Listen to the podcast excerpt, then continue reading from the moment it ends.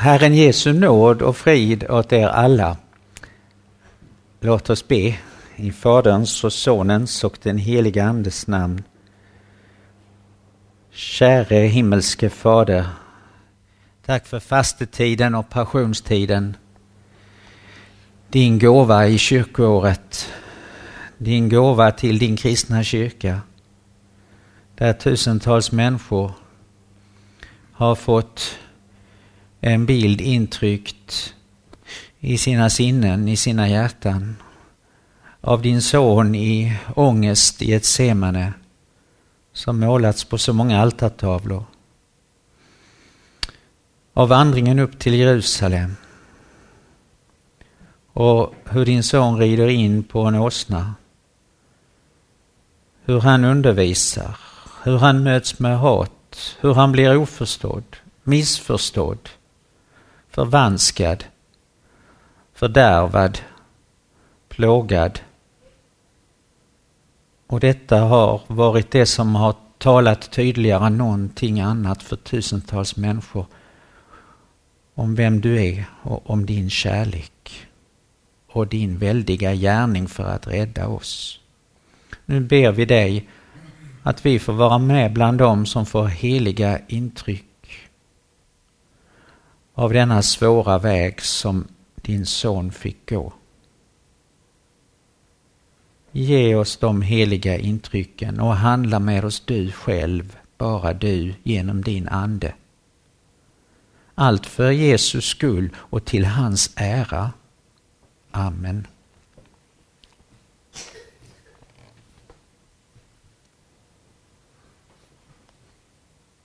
Jag tänker att några av er redan har hört dagens evangelium. Vi ska stanna vid det också, men läsningen nu får bli episteln från eh, Paulus brev till Filipperna, Filipperbrevets andra kapitel från vers 5. Det är något som kallas för Kristushymnen. Många bibelläsare tror att detta var en eh, sång som de första kristna brukade sjunga vid sina gudstjänster för där är en rytm i orden, där är liksom det är som en vers. Och man kan ana något av det även i den svenska översättningen. Och den lyder så här i Jesu namn. Var så till sinnes som Kristus Jesus var. Fastän han var till i Guds gestalt räknade han inte tillvaron som Gud såsom segerbyte utan utgav sig själv genom att anta en tjänares gestalt då han blev människa. Han som till det yttre var som en människa ödmjukade sig och blev lydig ända till döden, döden på korset. Därför har också Gud upphöjt honom över allting och gett honom namnet över alla namn för att i Jesu namn alla knän ska böja sig i himlen och på jorden och under jorden och alla tungor bekänna Gud Fadern till ära att Jesus Kristus är Herren.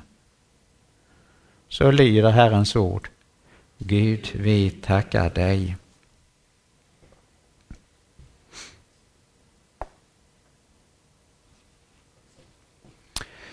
Om eh, Gud ska man inte spekulera. Man ska inte gissa om Gud.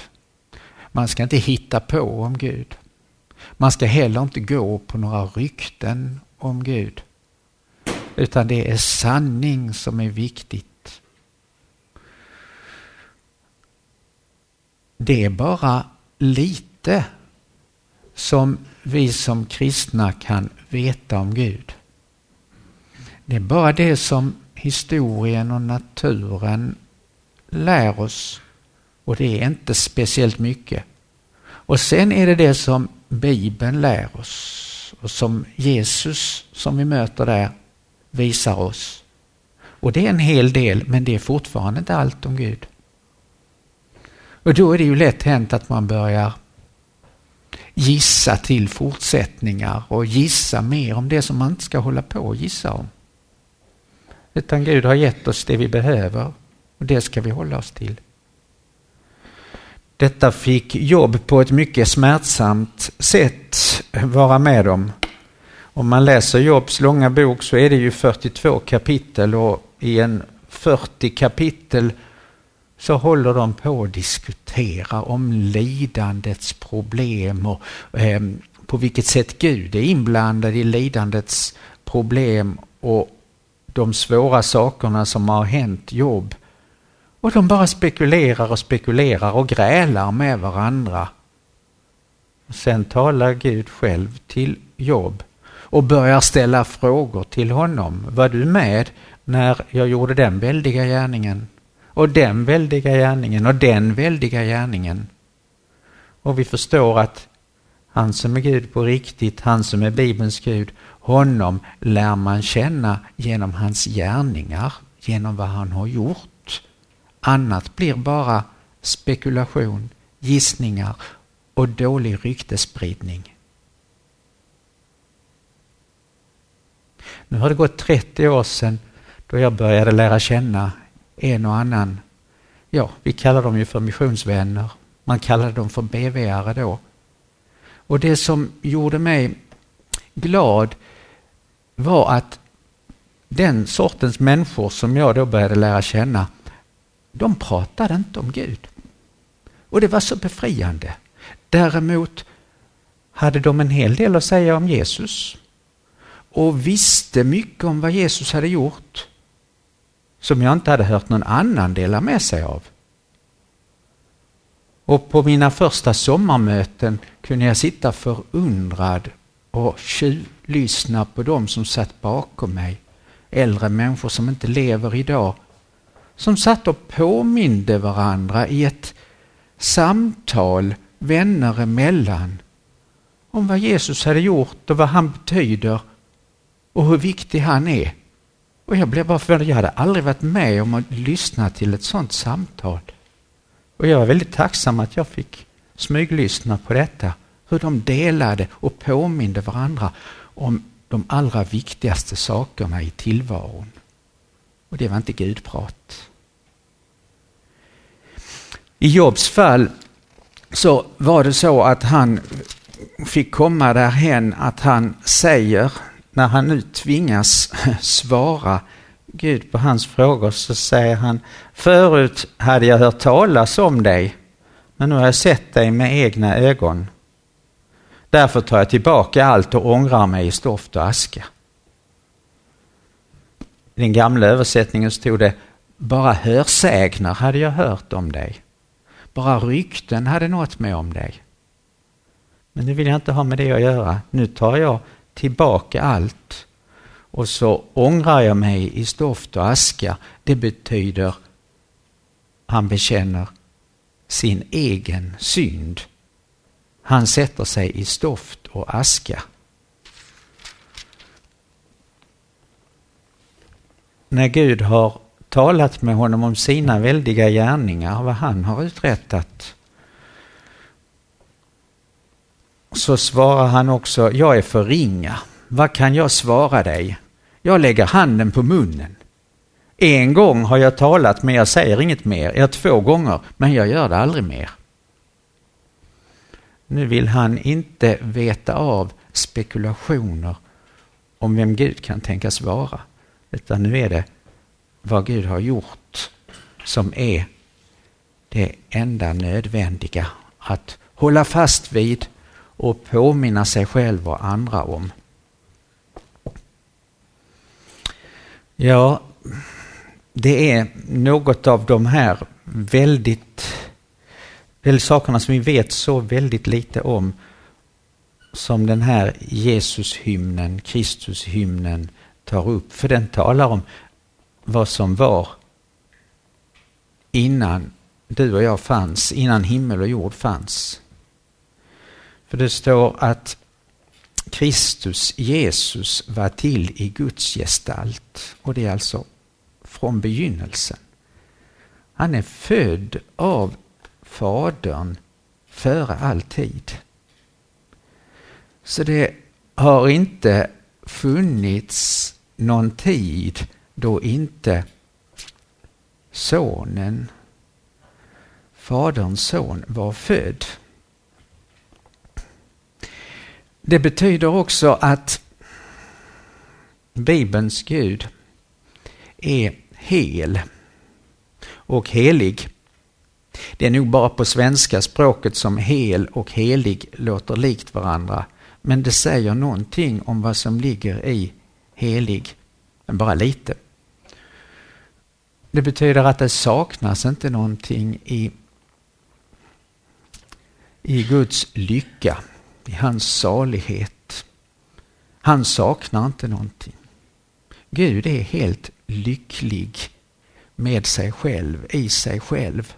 Behöver inte några himlar, någon jord eller några människor, utan är lycklig i sig själv. Sonen är hos Fadern och det finns ingenting som gör Fadern lyckligare än Sonen.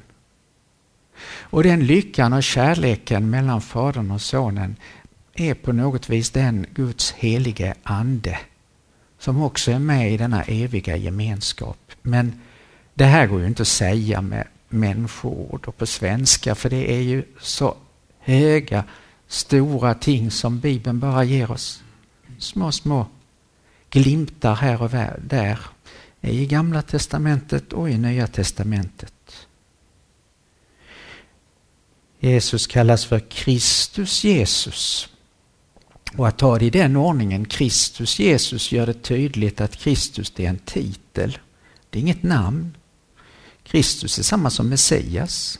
Det är samma som att säga Messias Jesus. Eller att säga den smorde Jesus.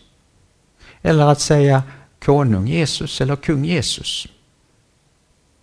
Då blir det den ordningen. Han hade alltså alla möjligheter, allt vetande, all kunskap, alla förmågor, all makt och kunde suveränt göra vad han ville och vara med i skapelsen. Vad som på människospråk skulle kunna kallas för en glad pojke som dansar omkring medan älvar och berg och höjder och dalar blir till och tycker allt är underbart. Och när människorna kommer till så har han sin glädje och lust bland människors barn, står det i Ordspråksbokens åttonde kapitel. Ja, han hade allting. Men han räknade inte alla sina privilegier som ett sånt där byte eh, som ett rovdjur när den har lyckats med stor skicklighet fånga ett byte. Eller när en eh, framgångsrik krigsherre har vunnit ett väldigt segerbyte med guld och silver och annat. Så höll han inte fast det som man med klorna liksom vill gripa det utan han avstod från att använda allt detta. Hörde vi. Han gav ut sig själv och att ge ut detsamma samma som offra. Han offrade sig själv genom att ta an en slavgestalt, en tjänargestalt. Slav och tjänare är oftast detsamma. Och så har Bibelns Gud låtit hela Bibeln bli sådan som han vill att den ska vara och som vi behöver den. Och så har han låtit detta komma med och vissa saker 600 år i förväg innan det sen blev tydligt. Vissa saker tusen år i förväg. Det var 600 år i förväg som den där tjänaren, den där lidande slaven genom en tjänaresång som, som profeten Jesaja får framsäga eller framsjunga. Han som tog på sig allas synder och led i deras ställe. Föraktad var han och övergiven av människor. Ja, han antog en sån tjänares gestalt då han blev människa, blev människa. Faderns son var inte människa från början, men blev människa. Som vi fick sysselsätta oss med för någon vecka sedan på Jungfru Maria bebådelsedag.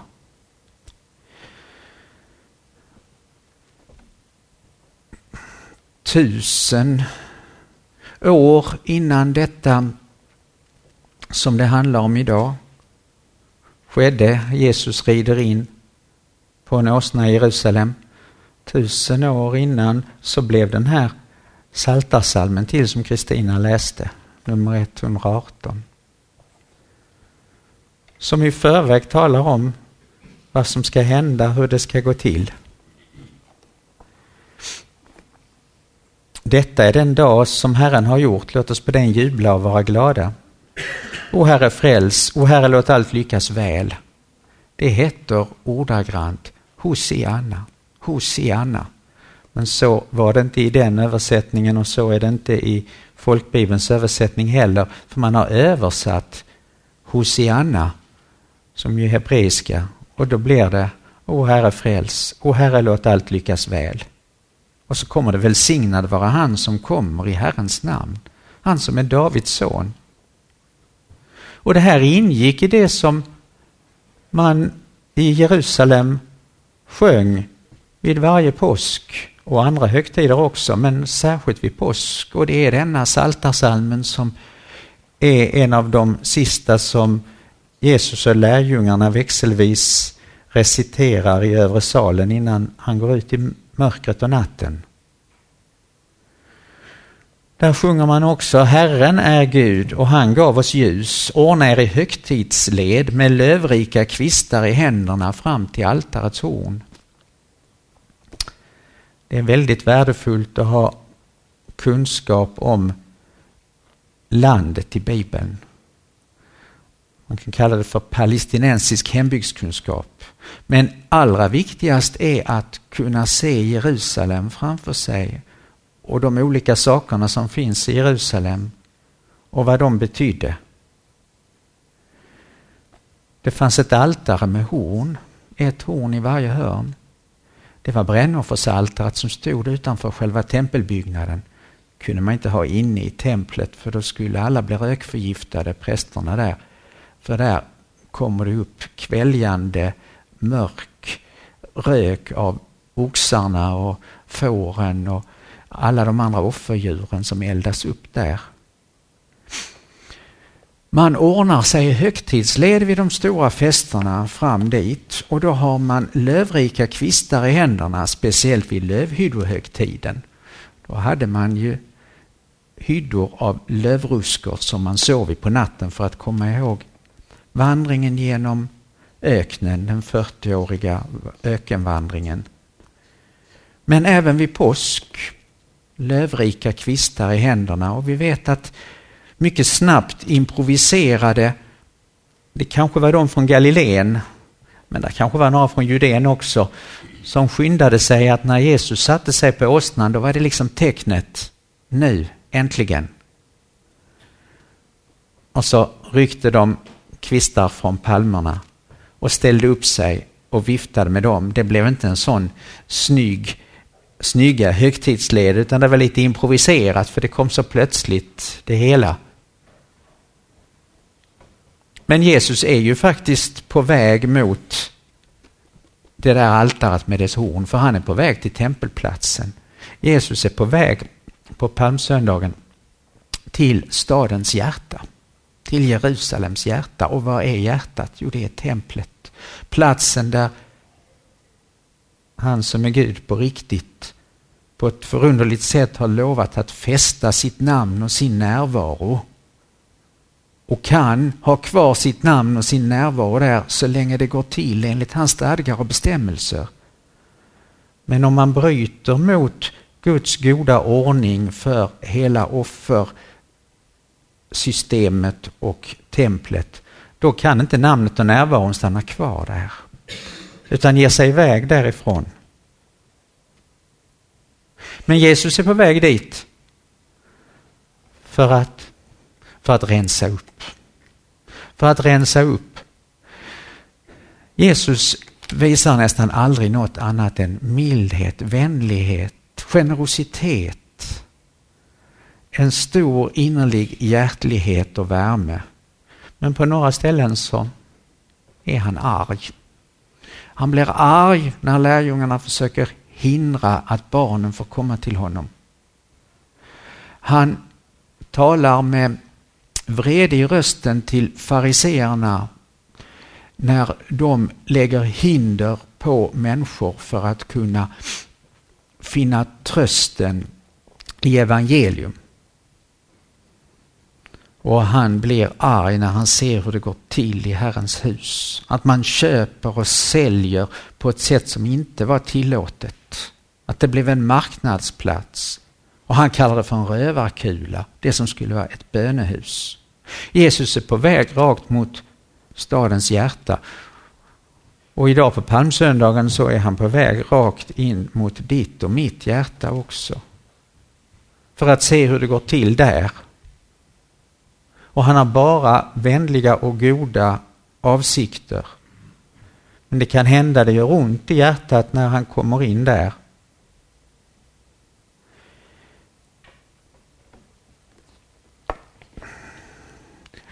Det står aldrig att Jesus sov i Jerusalem. Och det är underligt. Alla de andra pilgrimerna, för det mesta så ordnade de något ställe att sova och det var en plikt hos de som bodde i, i, i Jerusalem att de skulle ordna till så att alla de här, och det var ju flera tusen som kom dit, skulle kunna få någon vrå att sova på och också skulle kunna äta påskalammet där innanför stadsmurarna. Men Jesus med sina vänner gick tydligen varje kväll ut ur staden.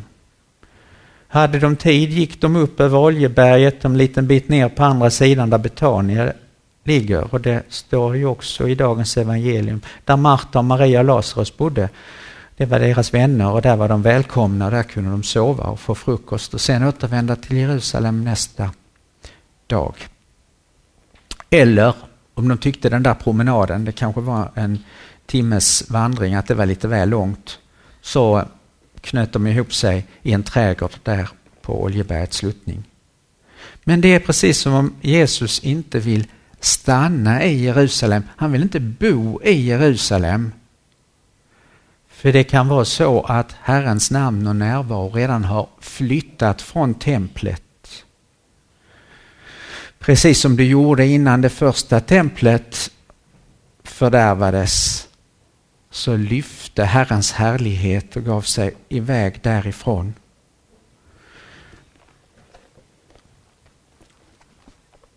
Men Gud har ordnat med sitt ord så att det talar i förväg om viktiga saker. Och i det som är gammaltestamentlig läsning idag i Sakarjas andra kapitel så står det jubla och gläd dig du Sions dotter och det är ju smeknamnet på Jerusalem. Jubla och gläd dig, ty se, jag kommer och jag ska bo i dig, säger Herren. Många hedna folk ska på den dagen sluta sig till Herren och bli mitt folk, och jag ska bo i dig. Ja, hedna folk, det här är ju ett löfte till dig och mig. Han den allra högste. Han ska bo i dig bo i ditt hjärta och han ordnar själv med att det ska bli möjligt att hans namn och hans närvaro ska finnas där. Och då kommer vi in på det där namnet.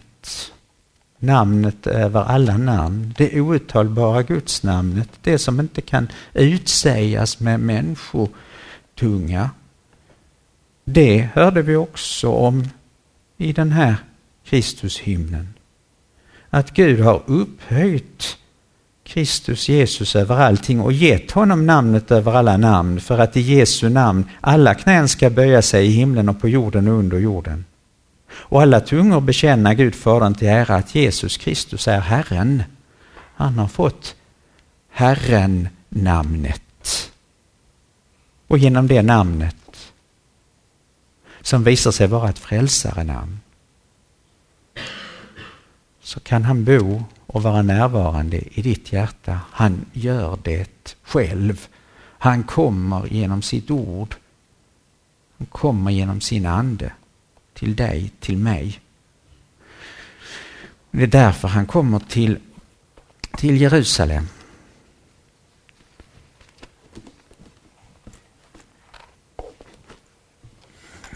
Allt som finns i Jerusalem är väldigt viktigt. Där finns också någonting hemskt tråkigt. Där finns en massa egocirklar. En egocirkel det är en cirkel där allting snurrar kring jag och mig och mitt. På finare språk säger man att man är egocentrisk. Det är massor av egocirklar i Jerusalem. Hela staden har hamnat i en egocirkel. I dagens evangelium finns det bara två stycken där egocirkeln inte är det som härskar. Och det är Jesus framför allt ju. Han har ju avstått från egocirkeln när han inte höll kvar sina privilegier som ett byte utan avstod, offrade sig, utgav sig och är till för andra. Det blir det allra mest meningsfulla livet. Det liv som är ett liv för andra och som inte är ett liv för en själv. Och så är det en som har blivit överväldigad av, av detta som hon har sett hos Jesus och som hon har fått av Jesus.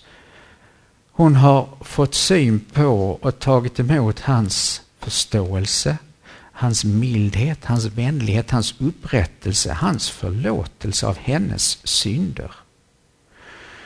Och det är en skatt över alla skatter att få sina synders förlåtelse. Hon eh, häller ut en hel flaska med nardusolja över Jesus. Och där står att den är värd 300 denarer. Och denaren är ju en dagspenning. 300 dagars arbete och det är väl ungefär så många arbetsdagar som det finns på ett år. 300 dagar av 365, ja. Ungefär. Så det är ett hel årsinkomst hon häller ner över Jesus. Men hon har blivit så överväldigad av vad hon har fått av honom. Syndernas förlåtelse, liv, verkligt liv, evigt liv och salighet, lycka över all lycka. Så en årsinkomst, det är väl pyttigt. Det är väl, det är väl peanuts i förhållande till det hon har fått. Men det tycker inte Judas Iskariot, för han har snurrat runt i egocirkeln så mycket så han har blivit helt insnurrad i sig själv. Och det kan du och jag väldigt lätt också bli. Lika insnurrade i egocirkeln som Judas blev. Och Jesus kan man förråda på många olika sätt. Och Judas han låtsas att han bryr sig om de fattiga och säger att man borde sålt den där oljan istället och så kunde man gett pengarna till de fattiga. Men vi får veta att det är bara som han säger. För han var kassören i lärjungaskaran. Han hade hand om kassan och den brukade han ta ur. Och han hade gärna velat ta av det där som var en hel årsinkomst.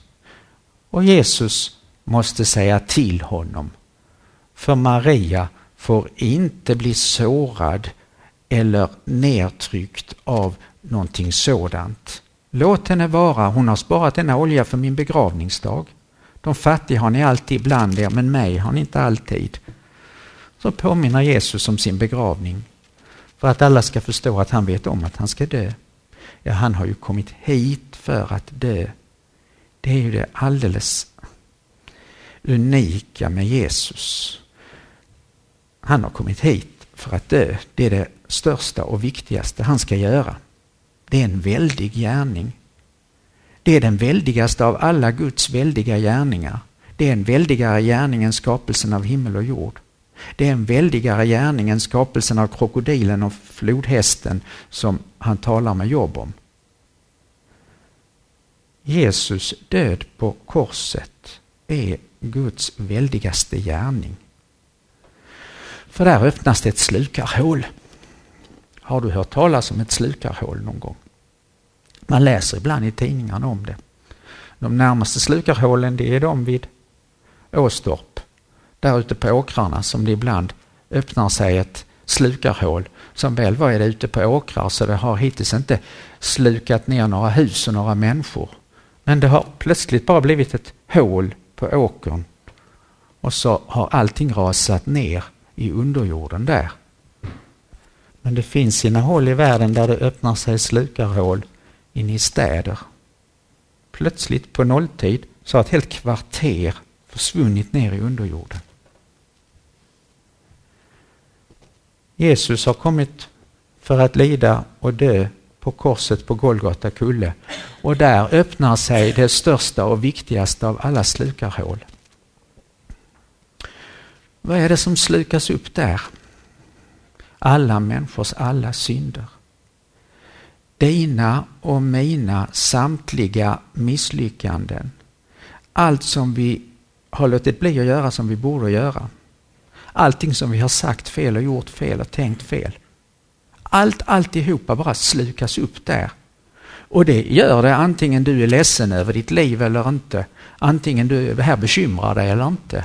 Antingen du har någon sorg över det eller inte. Det slukades upp i alla fall. Alltihopa bara försvann. När Martin Luther upptäckte det så skrev han en psalm. Och där skrev han, ut i hans död min synd försvann, så är jag frälsad vorden. I Jesu död så försvann alla dina synder. Och så är du evigt räddad. Och då visar det på någonting om vad som finns hos Gud. Man ska inte spekulera om Gud. Och inte påstå att Gud måste tycka om det och Gud måste tycka om det för det är väl rimligt och humant att han ska tycka om det och tycka om det. Det är inte alls säkert att han tycker om. I Bibeln så är det väldigt mycket som Gud är vred på, vredgas över, är rasande på. Inte alls en sån där Gud som människor många gånger pratar om. Utan en Gud med vrede. Och han vredgas över synden. Han tål inte synden. Den är avskyvärd för honom. Han blir rasande för varje synd. Liten eller stor, ja vad vi tycker är litet och stort. För honom är det himmelsskriande allting. Det är som ett skrik upp mot himlen. Varje synd. Men så är det det här med sonen. Det är så viktigt att han som är Gud på riktigt, att veta vad det är han är mest glad för. Vad det är som gör honom lycklig. Och det är ju sonen. Det finns ingenting som är viktigare för honom än sonen. När sonen är hos honom, då är han alltid lycklig och glad. Men det var väldigt svårt att skiljas från sonen. Att inte få honom hemma hos sig. Det var en sorg och en smärta att sonen var borta och att han blev så illa tilltygad, illa behandlad. Så hemskt fördärvad och förstörd. Det var svårt. Men så kommer Kristi himmelsfärd. Och sonen är hemma hos fadern igen. Och han är lika lycklig som i liknelsen om den förlorade sonen. Sätt en ring på hans hand och skor på hans fötter och bjud samman till fest. Min son han var förlorad men han är återfunnen. Han var död men han är levande igen. Och så är sonen alltid hos fadern och då är fadern alltid lycklig och glad. Och det är det som gäller efter slukarhålet. När all din synd försvann så är fadern lycklig och glad. Det är som han ser det. Sen kan det vara svårt för dig och mig att se det så. Men det är viktigare vad Gud säger i sitt ord. Du är förlåten. Du får gå fri. Och den som låter det ordet gå in och säger tack för det har gåvan. Tänk att ett tack kan åstadkomma så mycket. För detta får du gärna säga tack och då har du det. Men du säger, det där var väl totalt ointressant. Det angav inte mig. Vad har det med mig att göra? Det är bara nonsens, det är ingenting jag frågar efter. Ja, då har du inte det heller. Då har du kvar all din synd som försvann i slukarhålet. Den ligger kvar hos dig fortfarande. Så fullständigt onödigt. Så helt onödigt. Och det är den hemska sanningen om väldigt många människor. Att synden är kvar hos dem och Guds vrede förbliver över dem. För allt som är utanför sonen, det kan Gud inte vara glad över. Men allt som är i sonen, det är han glad över. I Kristus Jesus finns bara nåd och förlåtelse. Ljuvlig, underbar gemenskap, liv och salighet. Utanför bara något hemskt, bara något hemskt. Därför är det viktigt att eh, vittna om Jesus, som vem han är. Berätta om det för andra, påminna sig själv om det. Och detta visar ju Jesus när han rider in i Jerusalem på åsnan, för han är ju inte alls sån att han tillrättavisar. Han säger ju inte surt att ja, om några dagar så kommer ni ropa korsfäst, korsfäst istället. Säger han inte, han vet om det, men han är bara glad, mild, generös, kommer inte med några tillrättavisningar. Han är en öppen famn, sån är han. Och det är den sanningen som du ska hålla fast vid. Sån är han min frälsare. Han tar emot mig med öppen famn. Så får du vara hurdan du vill och kan. Det, det, är inte, det är inte det utan det är vad han har gjort och att han tar emot dig. Och han knäcker de här egocirklarna på sitt sätt. Så idag får vi se det speciella med sonen Jesus. För det är något väldigt speciellt med honom. Och det är det han gör som är det speciella. Och det är det som hela den här fastetiden och passionstiden handlar om. Och det är det som vi nu ska få en djup inblick i när vi närmar oss långfredagen. Och snart ska vi sjunga Böjd under korset. Men jag tror att klockan har blivit väldigt mycket nu. Därför vill jag bara säga Kristus Jesus. Amen. Amen. Låt oss be.